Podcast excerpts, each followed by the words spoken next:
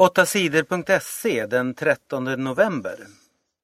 Lotta och Zlatan vann finaste priserna.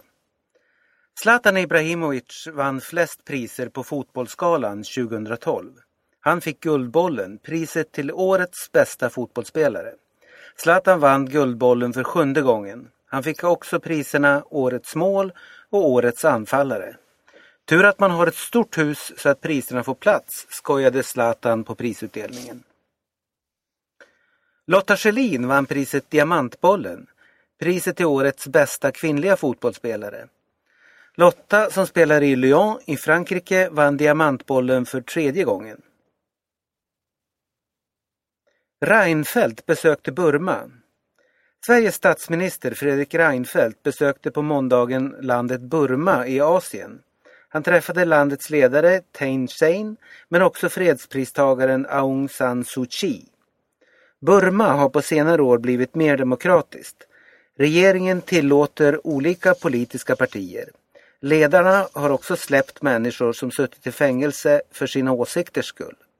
Landets ledare vill nu att utländska företag ska starta fabriker i landet. På det sättet ska Burma bli ett rikare land, hoppas ledarna. Sverige och flera andra länder vill hjälpa Burma att bli mer demokratiskt. Sveriges regering har lovat att hjälpa Burma med pengar.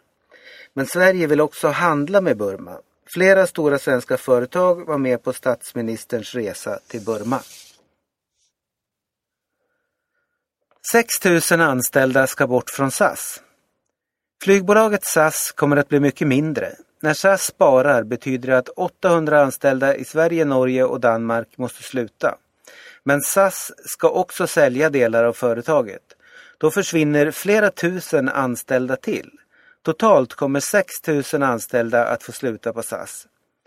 Flygbolaget SAS har idag 15 000 anställda. Om cheferna får som de vill kommer SAS snart bara att ha 9 000 anställda kvar. SAS tjänar för lite pengar och måste spara för att ha en chans att överleva.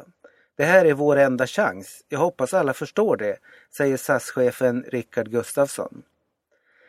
SAS vill att alla på företaget ska sänka sina löner. SAS-chefen Rickard Gustafsson sänker själv sin lön med 2 miljoner kronor om året. Nya anfall mot Gaza. Israels militärer fortsätter att skjuta mot det palestinska området Gaza. Under natten mot tisdag sköt Israels stridsflygplan mot palestiniernas vapenförråd. Det var femte natten i rad som Israel anföll Gaza. Israel hämnas för att palestinska grupper skjuter raketer mot Israel. Striderna mellan Israel och Gaza är de värsta sedan kriget 2009. Men nu säger ledarna i den palestinska gruppen Hamas att de vill ha slut på striderna. Tusentals hemlösa efter regn. Regnet har vräkt ner i länderna Haiti och Dominikanska republiken den senaste tiden.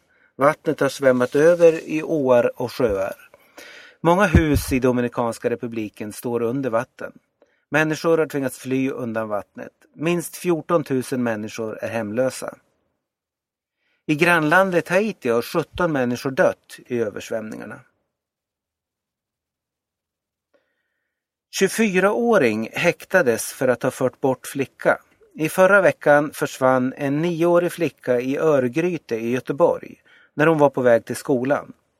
Flickan hittades efter 20 timmar. Då var det mitt i natten och flickan var tillsammans med en 24-årig man. Mannen erkände för polisen att han tagit flickan till ett rum i en källare. Sen ångrade han sig och ville följa flickan tillbaka till hennes hus. På måndagen häktades 24-åringen för att ha kidnappat flickan. Sverige möter England på Friends Arena.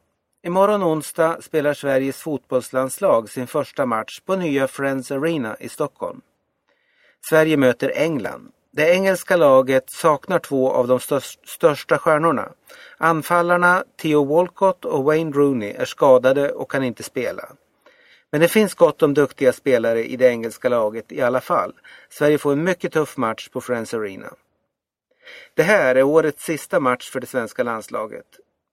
I början av nästa år åker landslaget på träningsläger till Thailand. Den 6 februari möter Sverige Argentina. Spöken i årets julkalender. I jul får barnen titta på spöken i julkalendern i TV. Familjen Olsson på slottet Greveholm är tillbaka. Mysteriet på Greveholm var julkalender 1996. Serien handlar om en familj som flyttar in på ett slott där det finns spöken.